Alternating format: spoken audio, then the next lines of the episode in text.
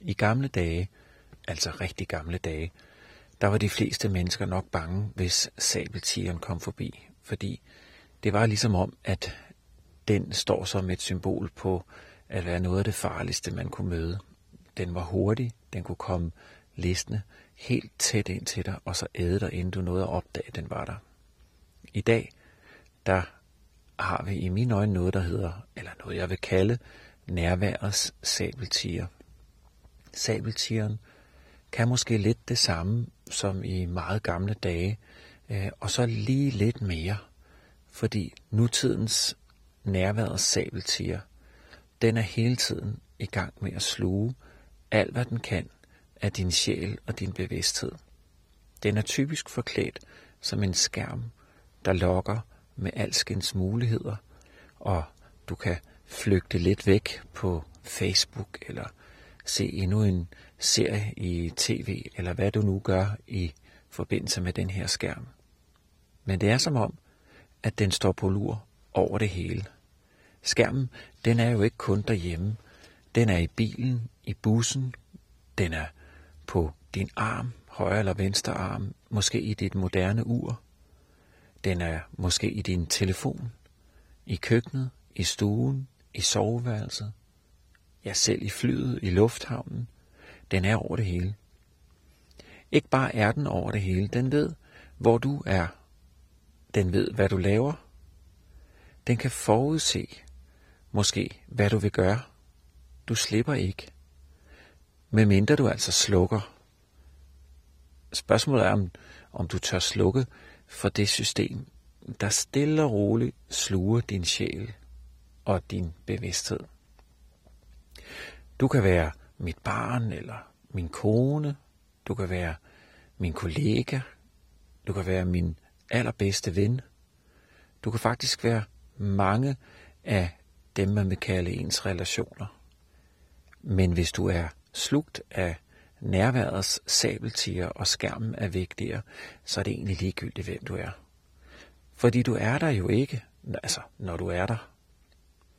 Når din sjæl og din bevidsthed og dit fokus, og måske endda din intention, er slugt af nærværets sabeltiger. Når du er mere i skærmen, end du er her, hvor du er. Ja, så er du her måske, og alligevel er du her ikke. I mine øjne, så ikke bare er du blevet spøgelsliggjort. Du har spøgelsliggjort vores relation. Og når vi er sammen, ja, så kunne man sige, hallo, er du der? Og du kunne sige til mig, hallo, er du der? Hvad har vi egentlig gang i? Når vi nu ved, at der er noget, der hedder nærværets sabelslige sabeltiger, ja, hvad så? Er det så ikke bare at slukke? Og så sige, jamen, det er det, vi gør. Vi slukker. Problemet er, jeg ved ikke, om det kommer fra hjernen, eller fra vaner, eller vores tanker, holdninger, hvad det er, men der er et eller andet, der minder mig om, at hvis vi slukker, og når vi gør det, så kommer der det, jeg vil kalde tomhedens djævel. Det er ligesom om, der lurer et andet monster, Altså på den ene side har du nærværets djævel, eller nærværets sabeltiger, og på den anden side, så har du tomhedens djævel. Hvis du slukker, hvad er der så? Ja, jeg kan sige til dig, så skal du til at kæmpe endnu en kamp. Først kæmper du med nærværets djævel.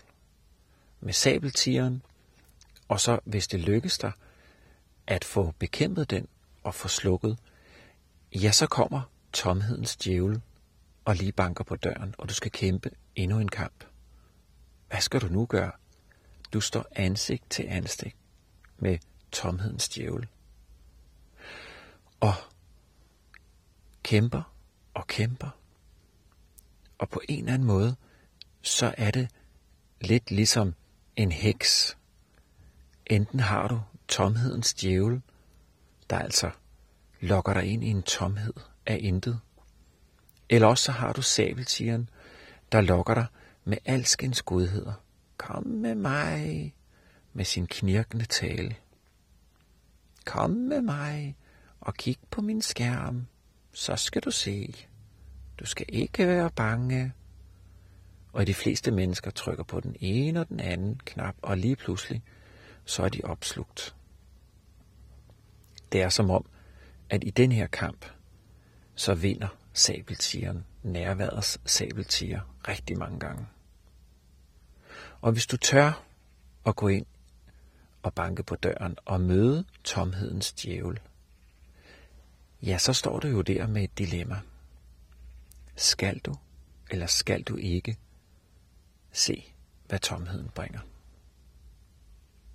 Jeg kender svaret, og jeg ved, at det kan være meget forskelligt. For mig selv, for dig og for alle andre. Men jeg er ikke i tvivl om, at den rigtige løsning af og til kan være at slukke.